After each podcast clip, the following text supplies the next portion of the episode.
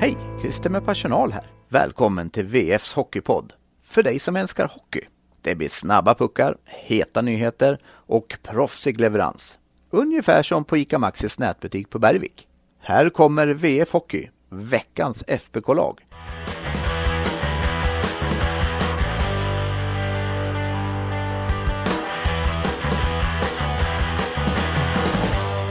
Alla blir ju dagvilla så här under julveckorna. Så också VF Hockey. Så här kommer en veckans lagpodd på en fredag. Välkomna till årets sista VF Hockey. Den 46 podden för kalenderåret 2023. Till att börja med, det är en bra siffra ändå, eller hur? Den är stark. Ja, den är stark. Speciellt med att podden tar ju ändå sommarledigt. Ja, och eh, jag tänkte säga vinterledigt också, men det gör den kanske inte riktigt. Nej, vinterledigt tar den aldrig. Nej. Nu kör vi på fullt ut hela vägen. Välkommen Simon Henriks. Stort tack. Jag sa ju förra veckan att vi skulle avsluta med en veckans lagpodd, så här sitter vi och ska försöka sammanfatta det som har hänt nu från jul och framåt. Alltså matcherna Oskarshamn och Luleå. Det är fredag och imorgon så är det ju en lördag där det är Oskarshamn igen. Och så sen så kommer det en vecka nästa vecka där det är matcher torsdag och lördag. Mm, duggar ändå ganska tätt fortsatt. Ja men att, eh, dock så ska jag, jag börjar med det här. Det är ju hål i huvudet att man inte spelar match på tisdag. Alltså det är jullov för barn. Det är så många barnfamiljer som vill ha någonting att göra. Så varför man inte har trippelomgång nästa vecka, det kommer jag aldrig i mitt liv att förstå. Vet vi varför då? Nej, ingen aning. Nej. Eh, alltså, eh, nej, jag har ingen aning. Det är total idioti. Ja. Faktiskt. Du får skicka in någon, eh, ja, på något sätt någon anklagan. i- Ja, men det gjorde jag nu, nu tog jag det poddvis istället. Ja, just det. Ja. Ja. Gå den vägen alltså. Du, vi ska plocka ut ett veckans lag. Jag tänker vi drar igång med det direkt. Och en målvakt. Eh, Och en målvakt vi eh, för en vecka sedan inte hade kunnat tänkt oss skulle vara veckans lagmålvakten, eller hur? Nej, och eh, han berättade själv för mig här igår att i onsdags klockan 10 så blev han väckt av sin mamma av att masken då hade ringt honom. Men han eh, hade ju då somnat, eller han sov ju då så att han eh, hörde inte det själv. Så hans mamma väckte honom och berättade att någon från Färjestad hade sagt honom. Och så, ja, ja, mer än ett dygn, eller ungefär ett dygn senare så fick han ju helt plötsligt stå. Ja. SHL-match. Han skulle egentligen bara då såklart vara backup till Lindbom, men sen så vart det ju 53 minuter och 90% ungefär i räddning där och en eh, ganska skön debut tror jag för honom trots förlusten för dem. Ja, jag skrev i min krönika efter matchen att jag blev på riktigt glad och lättad när han tog första skottet. När han kom in där och Ja. fick ett direkt och man bara åh, åh, för det är ju inte roligt om det hade gått åt skogen liksom. Eh, Då hade det kunnat gå åt helt fel håll verkligen. Vad tycker du om eh, hur han agerade sen då i mål? Jag tycker att han gjorde det, sätter förutsättningarna väldigt, väldigt bra. Sen så ser man ju såklart att han är 18 år, har Mm. kanske inte rutinen. Han var ju lite fladdrig och kanske lite felplacerad vissa gånger. Mm. likväl så gjorde han ju, det var en eh, speciell räddning mot eh, Andreasson tror jag i andra perioden när han nästan rånade honom på ett mål. Just det. En sån räddning gör man ju inte bara så. Nej. Så att, eh, nej, en stark insats tycker jag av honom faktiskt. Mm. Det var eh, träning på fredag, eh, fredag lunchtid ungefär på fredag eh, och då var det ju som sagt varken någon Carl Lindbom eller någon Maxi Legacy på is utan det var Melvin Asp Kastås, Kassåsen och eh, hans ett år yngre J20-kollega Lukas Höglind eh, som är från Kristinehamn från början men de bildade ju målvaktspar i J20. Och efter träningen så fångade jag deras boss som den här gången drog upp medelåldern rejält på isen och pratade lite om dem.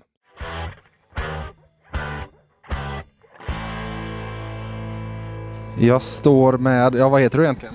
Maciej Schwoch. Jag tror vi hade gått igenom det här. Du kan ju kolla, kolla på Instagram och lite andra sociala medier om du behöver färska upp minnet lite. Tack för det. Du, var det precis dagen gjord här när du blev eh, målvaktsnörd utfrågad av några intresserade tjejer? Ja, men det är ju jättekul. Jag tycker det är jättekul när det finns eh, engagemang och jag tycker det är jättekul när folk ställer frågor. Eh, när jag var yngre, jag är fortfarande ung, men när jag var yngre så ställde jag ju väldigt mycket frågor till de som var långt mycket duktigare än mig och alla som jag ställde frågor till var, tog sig alltid tid och, och, eh, och prata och svara på dem. Så då, eh, det är en självklarhet för mig att få göra det också. Frågorna kom om vad du gjorde ute på isen med det som idag var dagens målvaktsduo. Jag säga Thomas Mitell vi pratade med innan och som sa att vi får se imorgon. Med Lindbom lägger sig ingen på is idag utan du hade 17,5 som medelålder på målvaktsduon du fick basa över. Ja, jag tror att jag drog upp den lite själv där faktiskt. Eh, tyvärr fick jag inte möjligheten till att byta om. Jag vill ju bara påpeka att jag är fortfarande inte officiellt pensionerat mig som målvakt. Jag har ju en SHL-match på bänken så att möjligheterna finns ju fortfarande. Eh, men vi pratade om bredden på fötterna gjorde vi. Vad kan du säga om de här två killarna? Vi börjar med Melvin då, 18 år som fick SHL-debutera igår. Eh, får vi börja med, hur svårt är det att hoppa in på det där sättet? Du har värmt upp, visst, inför match. Sen har du stått i båset och ett, ett tag och så plötsligt kastas du bara in i det. Alltså Melvin har ju varit med oss ganska mycket ändå. Han var ju med oss under slutspelet när vi gick hela vägen och vann ett SM-guld. Eh, så han är ju rätt van i att vara i den här miljön och han har ju tränat väldigt mycket med de här grabbarna så att han vet ju om att han behöver vara förberedd och han har ju också fått möjligheten till att sitta och prata med Dominik Furch och Dennis Hildeby och titta på hur de förbereder sig och sen Matt Tomkins och, och Dennis och nu eh, Karl och Max. Så att, Eh, han är ju van vid och förstår vad det innebär att vara här så att han eh, såg väldigt fokuserad ut när, när, eh, när jag såg honom alldeles innan, alldeles innan matchen. Men det är klart att det är svårt och det är mycket känslor att hantera men man behöver älska läget och jag tycker att han, han hanterar de givna förutsättningarna med bravur. Vilken sorts målvakt är Melvin? Men vi gillar ju mångsidighet i Färjestad. Eh, Daniel Hansen och jag som jobbar jättetajt tillsammans eh, pratar väldigt mycket om att ha målvakter som kan göra fler än en sak. Eh, och då lägger vi väldigt mycket vikt på skridskoåkning och han är en duktig skridskoåkare. Eh, sen finns det ju struktur i hans spel men från den strukturen så måste man ju kunna bryta den och tävla efter, efter eh, situationer som du inte alltid kan förutse och hockey är ju ganska oförutsägbart på många sätt och vis. Eh, så det är en mångsidig målvakt som är eh, eh, skicklig skridskoåkare och bevisligen också en väldigt lugn eh, och harmonisk människa. Och idag hade han sällskap av Lukas Höglind från Kristinehamn som gjort någon U17-landskamp och ett år yngre men nu är målvaktsduo tillsammans med Melvin i J20-laget. Vilken sorts målvakt är Lukas? Lukas är ju lite mer atletisk. Om jag skulle jämföra med våra A-lagsmålvakter som vi har nu så påminner ju Melvin mycket mer om Carl Lindbom och Lukas påminner ganska mycket om Max Legacy. Att de är lite mer atletiska och det är lite mer fart och fläkt i det hela. Eh, Lukas kanske behöver jobba lite mer med sin skridskoåkning för att kunna utnyttja den atletiska förmågan. Eh, men de har gjort det jättebra i vårt I20 båda två. Vi får se nu, det lär komma något besked under eftermiddag, kväll, förmiddag om vad det blir för någon målvaktsduo imorgon. Så vi behöver inte prata om det. Men likväl, jag pratade med Rickard Wallin sent igår och det finns ju en tredje målvakt på ett eller annat sätt knuten till er, Damien Clara, som har stått ganska mycket i Brynäs. Vad skulle du säga om hans höst i Allsvenskan? Eh, lite långsam start, eh, tog lite tid för honom att anpassa sig till A-lagshockey. Eh, det är ju en tuff miljö att kliva in i, det finns ju stora krav i Brynäs med och för våran del så såg vi det som en perfekt möjlighet att kliva in med en superrutinerad målvakt i form av Anders Lindbäck och en organisation som bara ska framåt och uppåt och det, det påminner ju ganska mycket det som är här. Eh, och vi tror ju jättemycket på Damian och han har fått eh, jobba metodiskt och ta sig in och i takt med att säsongen har gått så har han bara blivit bättre och bättre och jag tycker att han spelar ett väldigt tryggt och stabilt spel. Eh, så att han växer, vilket gör mig jätteglad. Så till sist då, vad är oddsen på att du är målvakt i Färjestad imorgon? Ja du, har vi kollat bettingsidorna än du och jag? Nej, inte jag. Du, du har kanske bättre koll. Nej, jag tror att jag får gå in och göra det. Eh, jag, det är väl kanske inte sannolikt att eh, jag eh, står ombytt där ute, men visst vore det ganska roligt om jag vore det. Nu är den här. Kia EV9 är en helt elektrifierad SUV med ultrasnabb laddning, oslagbar komfort upp till sju sittplatser och en räckvidd på upp till 505 kilometer. Kia EV9 öppnar en värld av möjligheter. Kia, movement that inspires. Var Fabil din bilaffär och A-bilar i Arvika. Vi tar oss vidare direkt på lite backar. Eh, och eh, en första back är en back som faktiskt gjort lite poäng, men det är inte riktigt därför vi tar ut honom. Utan tittar vi på veckan som varit det finns många backar som har gjort en del grejer bra, men eh, diskvalificerat sig själva från att bli uttagna för att det har varit några mindre bra ingripanden också och trots allt på ett eller annat sätt så handlar det som back om att se till att det inte blir mål bakåt. Så den som nu får en plats i lag, veckans lag, eh, mycket därför, för att han har varit eh, stabil. Han har eh, sett till att det faktiskt inte har blivit några misstag eller mål bakåt. Mattias Göransson, som ju fladdrar till då och då med något mål också och vi kan väl säga att så sent som det kom mot Oskarshamn så borde det nog ha varit ett segermål dessutom han var väl kanske, om vi ska vara helt ärliga, andra back in i veckans lag. För första back, och så vi skriva ner, den var desto lättare. Ja, det får man ju säga. Joel Nyström, eh, vilken form han är i. Du pratade med honom så sent som efter Oskarshamn och inför Luleå där att han är eh, SHLs formstarkaste back med, ja, i poängväg framförallt av de tio senaste. Och eh, två nya poäng, assister där mot eh, Oskarshamn, eh, så han fortsätter producera. Definitivt. Och eh, lite grann så måste jag ändå säga att man var ganska kritisk, många eh, från supporterhåll och kanske även experter med att han inte hade kanske haft den inledningen som många hade räknat med. Men eh, man får väl säga att han får, ja, men att många kanske varit upp där de sa kring honom, för nu har han definitivt vaknat. Mm, ja men det har han. Och det är inte bara poängen. Jag tycker att han är, det här han pratade om i början. Jag tycker inte han var dålig i början, han var ju okej. Det var det att det kom inga poäng och man märkte honom kanske inte riktigt så mycket. Men jag tycker verkligen att han har adderat mer och mer offensiv i sitt spel. Att han tar mer initiativ. För jag menar, med sina snurrfinter och med sin kreativitet framåt så kan han ju verkligen göra det. Och det var inte långt ifrån du att han blev målskytt mot Luleå också. Nej, det var, vad var det, kan det vara tre centimeter? Ja, något sånt. Något sånt. Du, vi har ju bett om lite lyssnarfrågor här också och har fått några som är just på backsidan. Vi kan ta en från Adam Olin direkt. Håller backsidan för att ta guld. Tycker själv att det är lite för, eh, lite för mycket upp och ner i nivå på några stycken. Framförallt Grolo och Andersson. Finns det en möjlighet att stärka upp på liknande sätt som förra året med Davidson eller kör man på med denna uppsättning? Vad tror du? Mm, Nu ska vi se, vi har- fick lite nyheter på den fronten här Ja. under träningen faktiskt med det faktum att Jeremy Grolo är tillbaka i träning från och med idag. Och Mm. han börjar träna med laget efter att ha varit borta hela december.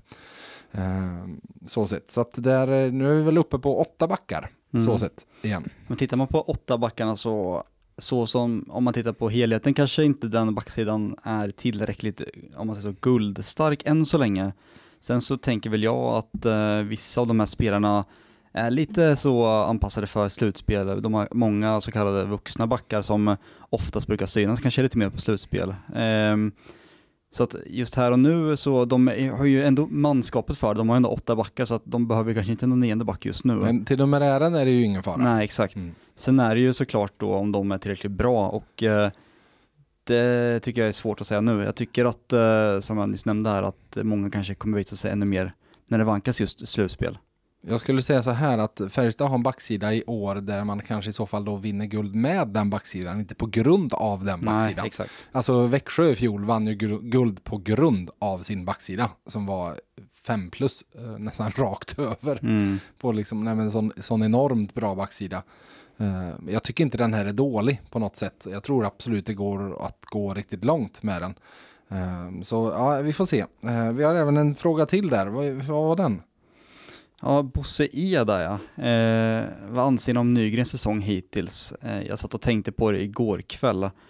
Vad har han bidragit med som ingen annan back har kunnat göra? Erfarenhet, okej. men han verkar rädd för närkamper. Eh, och sen så nämnde han även att Lillis där vänder alltid utåt. Eh, ja, alltså rädd för närkamper vet tusan. Jag tycker han brukar trycka till ganska rejält. Men så här, jag, jag, man får nog inte honom att prata om det här. För jag tror inte han vill ha det som ursäkt. Men nog tusan är det uppenbart att han känner av sin fot. Eh, jag tycker man ser det i sättet han rör sig och så vidare. Eh, och det är ju inte konstigt. Jag vet en, en, en annan hockeyspelare som hade sett eh, men, plåtarna och sa, liksom, eller hade sett bilder efter skadan och sa där bara, nej men han kommer aldrig mer spela hockey igen. För att Mm. det är ju en sån där ka- skada som avslutar en hockeykarriär. Speciellt för en 30 plus-spelare. Eh, så sätt. Eh, jag pratade ju ganska utförligt om Magnus Nygren med, Rickard Wallin. Jag gjorde den stora intervjun där för nu två veckor sedan. Eh, och vi, vi diskuterar ju just kring, och han, han var väl inne på att de visste ju att det skulle bli en anpassningsperiod även innan han åkte på eh, fotskadan.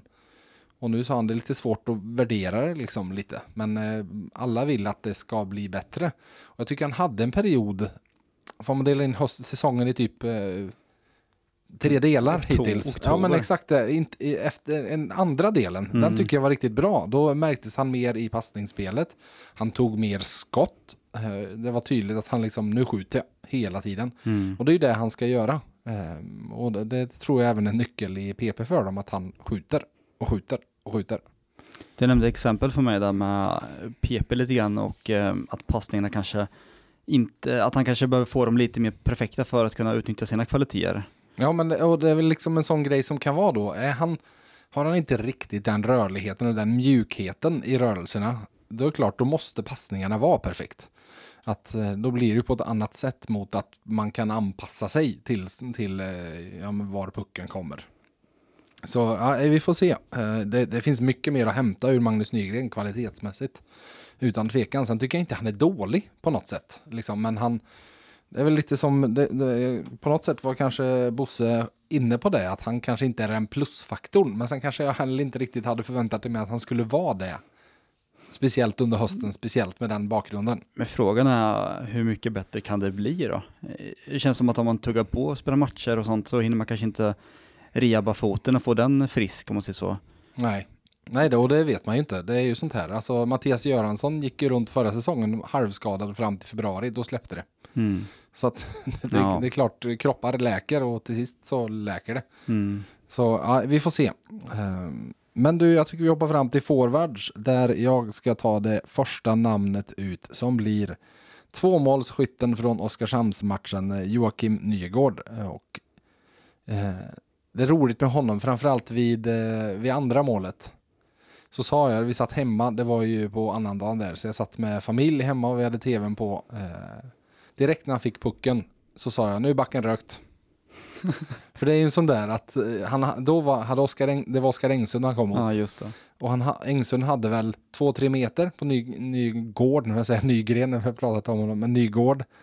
Eh, men när man ser en back som inte har börjat vända sig om och fortfarande backar i mittzon och inte har någon speciell fart och så kommer Joakim Nygård i fart, då vet man att då är backen rökt. Då är det mer värt att de åker på byte bara. Ja, men typ. Slippa Typ så. spara Nej, energi. men då är det ju att då ska du ut med klubban och fälla honom. Ja. Annars är han fri. Och har sett genom åren också att det är ju många sådana situationer där Nygård blir fälld i de lägena. Ja. Det är ju en typisk så här Nygård får med sig utvisning att eh, då brukar backarna kanske chansa lite mer och så får han antingen straff eller någon tvåa med Ja, men tryck precis. inte upp. Och det gjorde han ju precis det jag tycker han gör när han är som bäst i slag. När han använder sin fart till att gå runt folk. Eh, mot Luleå tyckte jag han hamnade in lite gamla vanor igen det här när han ska dribbla inåt, försöka dra inåt. Och ganska ofta blir av med pucken. Utan eh, den där farten ska användas till att transportera pucken ner i zon. Ändra tar han sig runt och kommer in på mål själv. Eller så kommer han ju sämst, sämsta alternativet är ju att han tar sig runt och kommer ner i hörn. Och kan börja bygga spelet därifrån. Så att det är ju, ja, eh, kontrollerade zoningångar, det är han inte dålig på. Nej, det kan känna till med ligans bästa eventuellt. Ja, ska vi ta en forward till? Vi ska ta kanske hans, eh, jag tänkte säga BK-pia, men eh, den yngre Nygård, eh, Oskar Lavner, som eh, jag tycker han har varit lite Oskar Lavner bra den här veckan. Pigg och rapp och gör sällan en dålig match. Och nu har de ändå torskat eh, två matcher, men han är ju likväl nästan lika bra som om de skulle vinna med 5-0. Han sticker sällan ut åt något håll om man säger så. Och då tycker jag ändå att han, eh, ja, den här veckan gjorde han en eh, stabil vecka. Mm. Eller den är inte över veckan såklart nu, men de som- veckans de, lagerveckan är Ja, över. exakt. De som har varit här nu. Ehm, och sen så får man även kanske addera hans eh, läckra, läckra assist. Så, Mm. Eller nej, det vart ingen assist. Nej. Passning Passning ja. till Ejdsell. Potentiella ja, assist. potentiella Mm. assist till Ejdsell mot eh, Luleå där som eh, inte blev mål. Tycker även vi ska addera hans ruggiga fläskläpp som jag fick se Ja, idag. Det, är, det ser ut som han går, in med, eller går runt med en eh, Glenn Strömberg-prilla under läppen konstant, så kan jag säga. Så, En hel så, pass, dosa. ja, så pass svullen är han på överläppen. Det var en armbåge var det från Brennan Kinnamin Ja, som okej. träffade honom. Eh, Så, eh, men det är inte värre än att han tränar idag. Han eh, gav klartecken för spel mot Oskarshamn och hade det varit så att, nu skedde det ganska sent i matchen, Mm. och han behövde väl ut och ses om liksom. Hade det kommit tidigare så hade han nog till och med kunnat återvänt till spel Ja, där Mm. mot, eh, mot Luleå. Det är positivt. Tredje och sista forward i detta 2023 års sista veckans lag i VF Hockey, det blir Marcus Westfält. Den, på ett sätt kan jag tycka synd om Marcus Westfält. För han är ju den som hela tiden, när Färjestad har några borta, så är han en av dem som blir drabbad mest. För det är han som i fjärde kedjan, de, det, det blir på något sätt, nu ska jag ta ett bröllopsexempel, du har ju inte gift dig. Nej, inte han. Nej. när man gifter sig, om du gifter dig någon gång, Mm. kul grej, så gör det om du har möjlighet. Ja, tack. När du sitter och planerar bröllopsfest så ska man ju planera hur folk ska sitta. Mm. Runda bord är mitt tips. Det är grymt. Då sitter man och då är det lättare att prata med många. Så gör man ett bord där. Oh, bra komp. De kommer ha roligt ihop. Ja, ett bord där. De kommer ha roligt ihop. Och hur man än gör det här så landar man till sist på att det finns ett bord som de har ingenting ihop. De har ingenting gemensamt. Man får alltid några över. Så bygger man om okej, den här, okej, de här vi hade här nu, nu måste vi hitta nya som de ska passa med. Det blir fortfarande alltid några över och så blir det ju ofta ett lag också. Du kanske får en jättebra kombinerad första, kanon andra, fin tredje. Ja just det, så har vi de här, ja men de får bli fjärde kedja. Ofta blir det ju så liksom. Eh, och det kan jag känna lite med honom. Att eh, sällan kontinuitet och nu ska jag säga det här på ett fint sätt. Alltså jag jag högaktar Patrik Lund för den hockeyspelare han är och den arbetsinsats han lägger ner. Men det händer ju ingenting framåt. Det gör ju faktiskt inte det. Eh, alltså han, han har ju väldigt lite offensiv i sig. Ehm, trots allt så är det så. Sen är han väldigt nyttig för laget och alla behöver inte ha det. Men han, det händer ingenting där. Och när du då har haft till exempel Patrik Lund, Marcus Westfeldt och Lukas Forsell som har haft en jobbig höst. De har spelat mycket ihop. Och då blir det jobbigt på två håll liksom. För jag tycker man märker varje gång han sätts ihop med lite mer spetsiga Tomasek. spelare. Ja men Tomasek, det, för det är ju den klassiska. Mm. Färjestad ändrar ligger under och jagar mål. Ja, vi kör ut Tomasek på kanten. Eh, eller Färjestad... alltid Westfält på, som center då. Ja men exakt. Och, eller Färjestad leder och vill bevaka ledningen. Nu går det inte att spela Tomasek som center. Herregud. Nu kör vi in Westfall som center och Tomasek som ytter.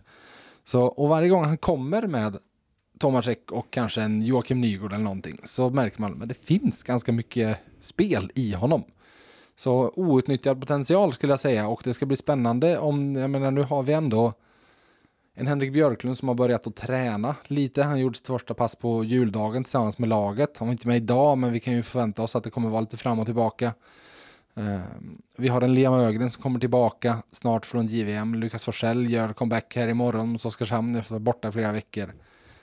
Fall de nu får lite bredd på forwardsidan eh, och det kan bli eh, lite spets överallt i laget så ska det bli spännande att se vad det kan göra med Marcus Wesselt faktiskt. Mm, definitivt. Du, veckans utropstecken, vad har vi där? Ja men en spelform som eh, Westfält bland annat är ganska nyttig. Mm. Eh, boxplay och det vart ju en del boxplay-spel mot Luleå nu här senast. Fem raka där innan de fick sitt första. Totalt vart det väl, tror jag, ja det vart väl fem försök totalt. Tror jag, trots allt. Eh, totalt sex boxplay under de här två matcherna men inget insläppt mål. Och eh, de har ju gått starkt samman egentligen hela säsongen i den spelformen och leder just nu eh, med, tillsammans med Luleå där på um, 87,5 procent. Så att eh, de, medan PP kanske går lite tyngre så fortsätter de ändå vara stabila eh, åt andra hållet. Mm. Veckans frågetecken. Håll i er målvaktssituationen. Jaha. Nej. Nej, det är otroligt. otroligt. Nej, för likväl, det var en medelålder på 17,5 år på Färjestads målvakter idag på träningen. Ja, jag sa det, eller jag skrev det i min text eh, med lite så eh, reservation att jag inte visste om det var riktigt det yngsta, men det måste varit ett av de yngsta målvaktsparen i SHL. Ja, om de skulle hamna i match så skulle det vara det yngsta. Jag kan aldrig tänka mig det har varit något yngre. Ja, men jag menar liksom en första målvakt som då ska vara 20 år och få med sig en 18-åring det är i SHL-sammanhang. Ja, du är ju yngre. Du ska vara 17,5 är det jag säger. Så att du är ju ännu yngre du måste vara. Eller just, få- ja, men, eller jag tänkte, ja. ja. just det, nu var jag inne på här med senast där med Carl Lindbom. Ja, ja. ja, du menar så. Lindbom och ja. Ja. ja, det kan nog också varit bland de yngsta. Absolut. Ja. För, ja, det... Och nu skulle det vara Lindbom, eller eh, Asp Kassåsen och eh, Lukas Ja, Haglind exakt. också. Så, Ja. ja. nej, vi får se. Mm. Vi kan väl egentligen börja med en fråga från Henrik Andersson. Ponera att Legacy och Lindbom blir borta länge. Borde Wallin och Kompi ta in en ny målvakt och bör Asp Kassåsen stå imorgon? Han gjorde det riktigt bra igår.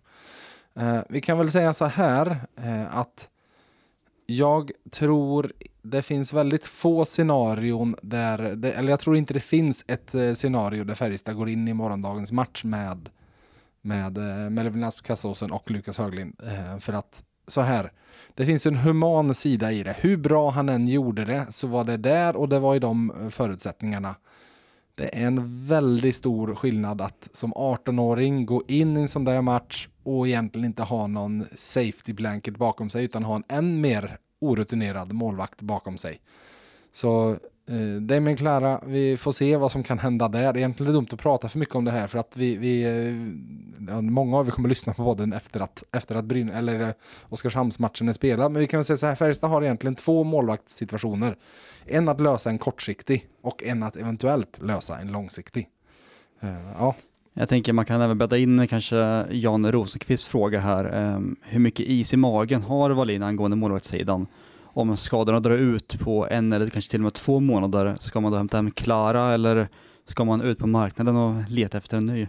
Ja, nej men och det vi väl kan säga är att skulle, när det hände igår, vi börjar där, när det hände med Carl Lindbom, min känsla direkt var ju, det där kan vara säsongen, det där kan vara korsband, det kan vara säsongen. Eh, för att sättet han reagerade på instinktivt, han bara kastade sig eh, ner på isen. Luleå hade pucken i Färjestads zon och han ändå bara kastade sig ner. Och för såna, sån smärta hade han. Och hur han liksom fastnade, det, det kändes som en, okej det där var en allvarlig skada. Vi kan även addera att han missade i slutet av förra säsongen. Det är samma ben som, det, som han nu, vänsterbenet som han inte kunde stödja på när han åkte av nu och haltade när han, när han gick av ut i spelartunneln. Det jag, så är, skulle han vara borta resten av säsongen, då måste ju Färjestad värva in en målvakt. Utan tvekan. Ehm, så är det. Men jag har lyssnat runt lite under dagen och de, de, de signaler jag har fått är väl signaler av en försiktig optimism i alla fall kring eh, Carl Lindbom. Ehm, så vi, vi får väl se, men att det, det kan vara så att det värsta tänkbara scenariot har undvikits. Jag skulle fortfarande tro att han är borta ett tag, men vi får se. Men för, en försiktig optimism i alla fall att det finns det. Eh, Och sen eh, kring Legacy att det i hans fall av allt att döma enligt vad jag hör i alla fall inte ska röra sig om en långvarig skada. Eh, lekdoktorn i mig i hans fall. Det är ju, alltså han är uppenbart skadad av Austin Wagner överkörningen där. Eh, han stod ju faktiskt klart den matchen. Han stod i straffläggning, han åkte inte av direkt. Så jag menar, han har inte brutit benet för då hade han inte spelat klart. Man skulle ju inte vara förvånad om det är så att han vaknat upp dagen efter och har liksom ont i huvudet av smällen. Liksom. Känner sig manglad av den. Så att det är någon, någon sådana symptom skulle inte förvåna mig och då vet man ju heller aldrig. Då kan det gå över på några dagar eller så går det aldrig över. Så att det är ju det här ständiga men att det, det verkar inte vara, ja, vi, vi får se helt enkelt. Mm. Eh, Du pratade ju om spelschemat, att det är skandal att det inte är match på tisdag. Eh, Nu är det kanske till och med lite fördel för Färjestad i och med att de är lite så... eh, Ja men det är ju det, de behöver bara överleva lördagen och sen är det Mm. fem dagar till nästa match på torsdagen. Tror du att Legacy kan stå på torsdag? Ja men absolut, det Ja. tror jag. Utan att ha någon aning. Men alltså, nej, jag tror inte det alls är omöjligt. Alltså, skulle det vara så nu att han har fått en eh, men liksom lätt hjärnskakning till exempel. Då har det gått över en vecka nästa torsdag. Och då har det gått den här veckan som man ofta pratar om i, i sådana fall. Så nej, vi får se. Mm. Eh, du, vi har en till lyssnarfråga här eh, från Sebastian Edvardsson och jag skrev när jag la ut och önskade frågor att nu ska det då inte bli några julrim denna gång. Men eh, Sebastian, han gjorde en kupp. Hoppas podden blir innehållsrik. Låt Simon Henriks berätta något om Valdemarsvik. Att få på svar på en fråga vore en dröm. Varför tränar inte alltid Karl Dahlström? En önskan kommer också från chef Mittell. En lång ledighet för Mattias Hell. Ja, den där var bättre än alla menar Ja, kan var säga. den. Högklassigt. Men där skulle du säga att det inte var bättre. jo, det var det. Försvara mig lite grann. Du, är det något du vill berätta? Ja, men uh, Valdemarsvik då? Berätta om Jonathan Anderssons uh, uppväxt. Var kommer han från i Valdemarsvik? Vet du vart han är uppväxt? Nej, Valdemarsvik. Det räcker så. Men du vet inte vilken, vilket Nej, område liksom? Nej, Det- han, är, han är äldre än mig. Tänk jo, på det. men det, hur lite är inte denna ort? Eh, Ja, det är ganska stor. Kommunen är ändå 5000 invånare. Vadå? Det, det, det, Storstan. första gången som någon har sagt det är ganska stort kommun Nej, men jag 5 tänker 000 att, man tänker att det är kanske 500. Tänker man, folk verkar tro det på Twitter. Ja, Folk spårar. mm. Sjukt. Du, varför tränar inte alltid Karl Dahlström? Ja, vi kan väl säga så här, han tränade ju inte idag. Han var den av eh, Luleå matcha killarna som inte var på is idag. Eh, och det är uppenbart att han, han har ju inte tränat kontinuerligt på slutet. Han har stått över en del träningar, varit frågetecken inför en del matcher. Så han dras ju med någonting. Eh, det är ju uppenbart eh, så. Så eh, vi får väl se vad det är. Det känns ju som någon sån där grej som Jo men det går okej okay att spela men han behöver stå över lite då och då. Så ja, no någonting dras han med. Du, en fråga här från Linkan eh, och då inte den Linkan utan eh, han som på Twitter heter Linkan 1987. Färjestad som historiskt vänt skutan efter jul ofta efter problematisk underpresterande höst ligger nu etta i tabellen. Hur växlar de upp efter det här eller kommer raset nu? Ja, vad tror du? Blir det ett ras eller kan de växla upp från det här? Det tror jag väl, framförallt nu när de kanske har en liten eh, svajig form om man säger så. Eh, sen mycket av det som varit under hösten, det ska de ju behålla. Fortsätta med stabiliteten de har haft defensivt och gjort mycket mål. Sen kan man alltid slipa på PP som eh, många fortfarande nämner mycket så, så det kan alltid bli bättre. Boxplay ska fortsätta vara bra. Målvaktssidan har väl gått från eh, jätte, jättebra till kanske något sämre får man väl säga. Eh, så den kan ju också såklart höjas. Men jag tror att grundspelet som man ofta kommer in på ska vara densamma. Sen när det är slutspel så är det slutspel och då är det en annan hockey ändå. Så att eh, fram till slutspelet så lär det inte vara så mycket man ska skif eller skilja eller skifta på, liksom, göra om. Vi kan även säga att Färjestad har vunnit guld ur pole position också. Eh, till exempel 0-2-guldet när man var totalt dominanta i grundserien och totalt dominanta i slutspelet. Så att Just det, det minns jag. Det guldet minns det jag. minns jag, just det, exakt. Har du ett företag och vill nå ut genom våra poddar? Lägg till poddannonsering i din mediemix för att skapa ännu större effekt.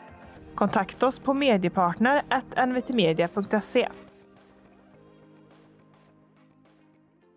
Anders Blomdahl har ställt en fråga här. Eh, transferfönstret närmar sig så smått. Bör Wallin leta på marknaden eller, och i så fall vilken position?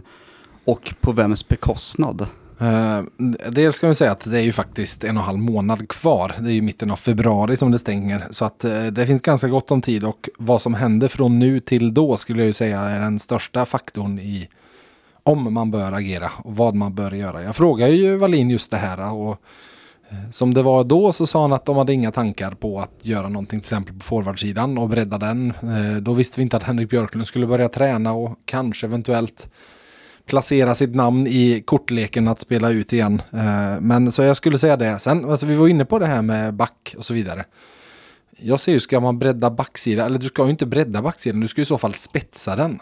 Ja, lycka till att hitta den spetsen nu, så säger jag. Ja. Det, så att nej, jag, jag, tror nog mycket väl det kan vara det här laget man går in. Skulle det vara så att man i mitten av februari märker att Henrik Björklund inte kommer komma tillbaka till spel, då tror jag det kommer komma in en forward nummer 14 igen.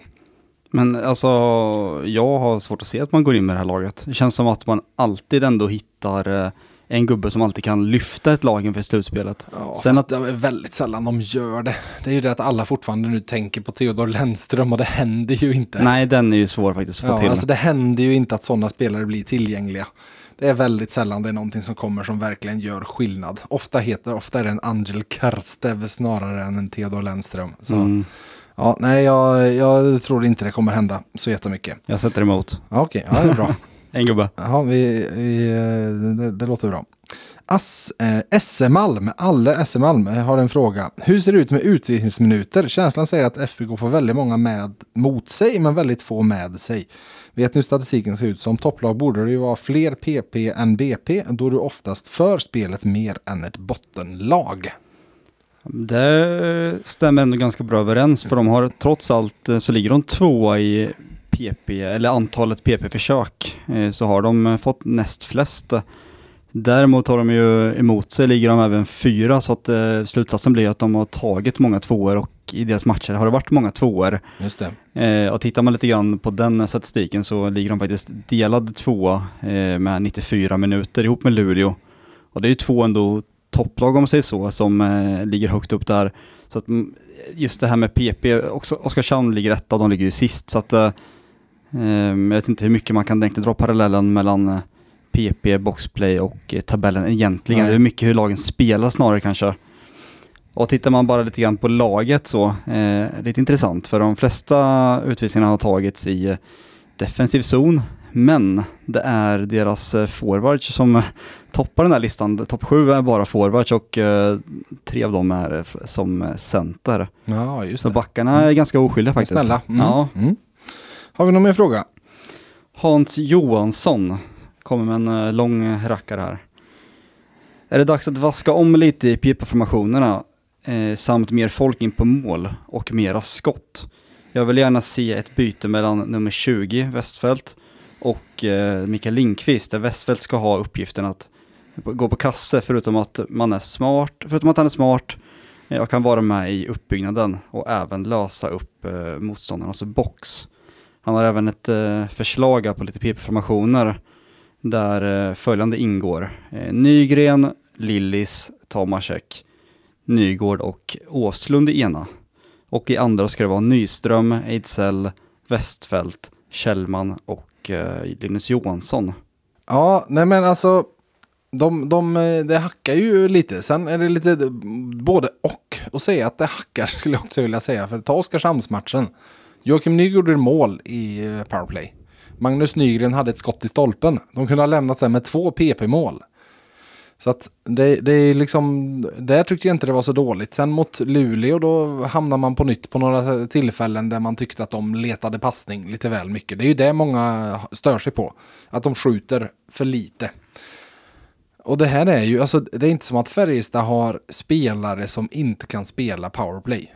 Eh, det finns ju ganska många som kan vara ganska duktiga på det. Men det är ju så, jag skulle säga att allting med det här har, sitter bara i huvudet. Bara i huvudet. På, på eh, att man letar och söker snarare än att man agerar. Och i PP så märks det så tydligt på ett annat sätt än i spelet 5 mot 5. Och där letar man och söker inte för där har man självförtroende på ett annat sätt. Att det är också så lustigt, det här har man ju sett många gånger, att ett lag kan spela jättebra i 5 mot 5 så fort de får PP. Så bara skiter det sig. Jag var i USA för några veckor sedan och eh, fick då vara del och bevittna hur Pittsburgh Penguins med ett PP där vi liksom har Erik Karlsson, Sidney Crosby, Evgeny Malkin, Jake Ansel och någon femte där de alternerat lite. De gick 34 raka PP utan att göra mål. Ja, Och sen gjorde de mål. Och sen gjorde de typ 8 PP-mål på kommande fyra matcherna. Det är ju så det så ofta blir liksom. Det är inte som att de spelarna där är kassa på att spela PP.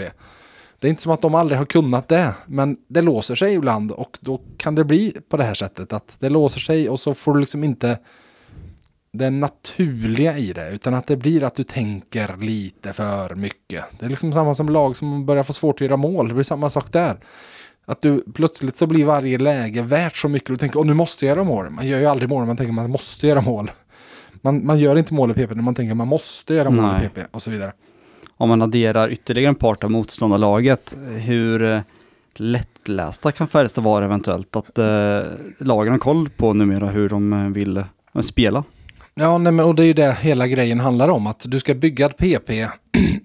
alltså där du, där du har landat i en formation där du får, pucken hamnar på ett visst ställe där du bygger spelet ifrån. Men därifrån har du så pass många variationer, kombinationer att motståndarna, om de ger dig den, eller om de täcker den ena så tar du den andra. Liksom.